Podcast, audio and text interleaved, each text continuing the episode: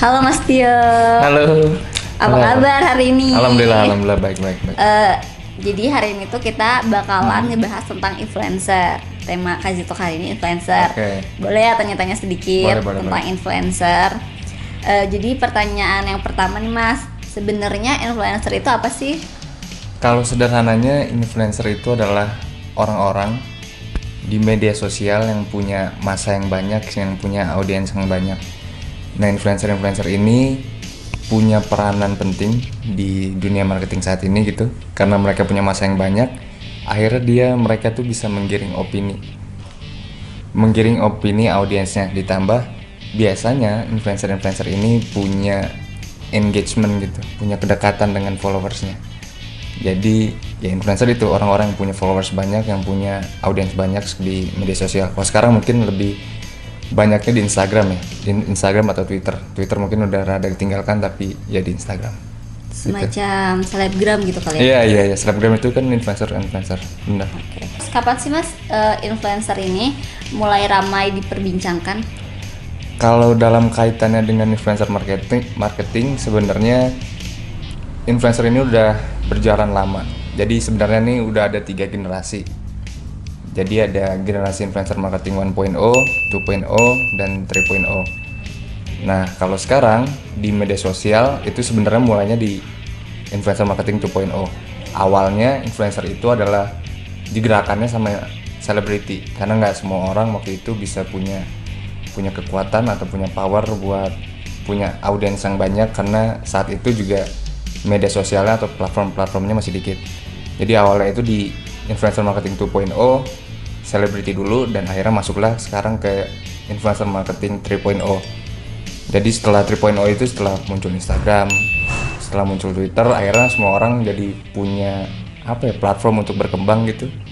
Jadi sekarang bisa dilihat sendiri udah banyak banget orang yang mungkin kita nggak kenal dia siapa, tetapi kita nggak kenal mereka siapa, tapi mereka punya followers yang banyak banget. Nah itu tuh udah masuk di 3.0. Jadi semua orang tuh sekarang udah bisa jadi influencer. Tergantung kemampuan mereka apa, tergantung apa yang ingin mereka tonjolkan, tergantung eh, kategorinya apa. Kan banyak juga tuh ada yang lebih fokusnya ke fashion, yang lebih fokusnya ke beauty gitu, kecantikan. Ada yang travel, jalan-jalan dan lifestyle segala macamnya. Gitu. Nah, apa sih Mas perbedaan call, key opinion leader dengan Hmm. influencer itu? Eh, kedua ini sering dianggap sama, tapi sebenarnya berbeda. Kalau call itu kan singkatannya key opinion leader. Nah, jadi mereka itu sebenarnya adalah orang-orang yang udah expert di bidangnya gitu di industrinya dan mereka jadi disebut call karena mereka punya pengalaman.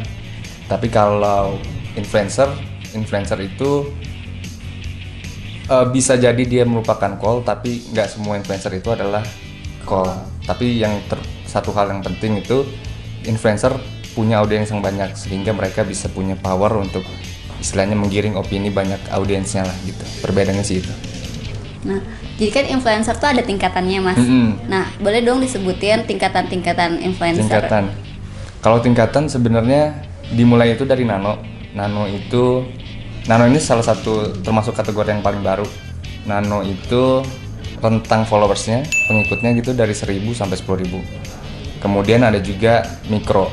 Mikro itu 10.000 sampai 100.000 followers.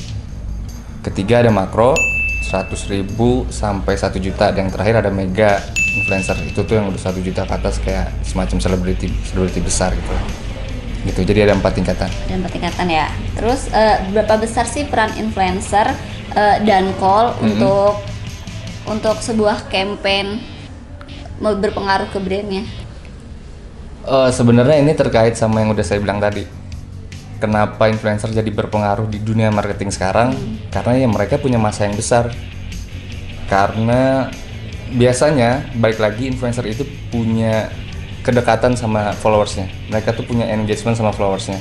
Jadi misalnya ketika influencer ini ngomong ini secara langsung gitu followersnya bakal ngelihat oh si A lagi ngelakuin ini nih kayaknya bagus kalau dilakukan sama dia juga gitu. Misalnya Any- Anya Geraldine lah gitu.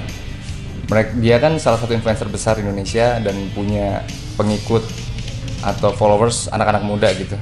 Jadi secara nggak langsung tuh apa yang dilakukan Anya Geraldine bahkan bakal diduplikasi sama anak-anak itu gitu.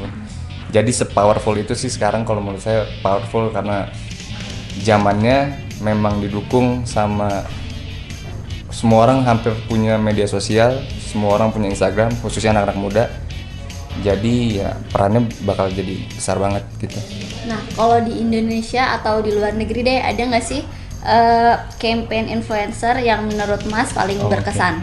Oh kalau saya sih sebenarnya lebih terkesan sama salah satu marketplace di Indonesia, Tokopedia. Pasti kamu juga tahu. Ya. Saya selalu amazed gitu sama campaign-campaign yang mereka jalankan. Bagaimana cara Tokobit, cara Tokopedia untuk melibatkan banyak influencer. Oh, banyak banget gitu. Jadi dalam satu hari saya pernah lihat kalau nggak salah mulai aja dulu campaign mulai aja dulu. Hampir detail saya tuh semuanya tentang mulai aja dulu sampai di explore juga mulai aja dulu karena mereka waktu itu melibatkan banyak banget influencer itu menurut saya keren banget sih. Terus yang terakhir nih Mas, eh, untuk menjadi seorang influencer itu harus gimana sih tahap step by stepnya? Oh, kalau tahap jadi influencer sebenarnya harus tahu dulu sih apa yang akan mereka lakukan di media sosial Instagram karena eh, setelah kalau dia udah tahu dulu mau ngapain, kayaknya semuanya bakal ngikutin. Jadi harus tentuin dulu nih sebenarnya kemampuan dia di mana. Niche yang akan dia pilih itu sebenarnya apa? Apakah dia lebih suka di fashion, maka fokus ke fashion. Kalau misalnya dia lebih suka eh, di travel, maka fokus aja di travel gitu. Jangan maksudnya fokus ke satu hal biar semuanya akhirnya mengerucut gitu. Jadi lebih jelas lah pasar dia tuh apa, pasarnya itu nanti seperti apa, jadi lebih jelas gitu. Oke Mas, cukup cukup sampai di sini aja kita berbincang tentang influencernya. Makasih Oke. banyak ya Mas. Dadah.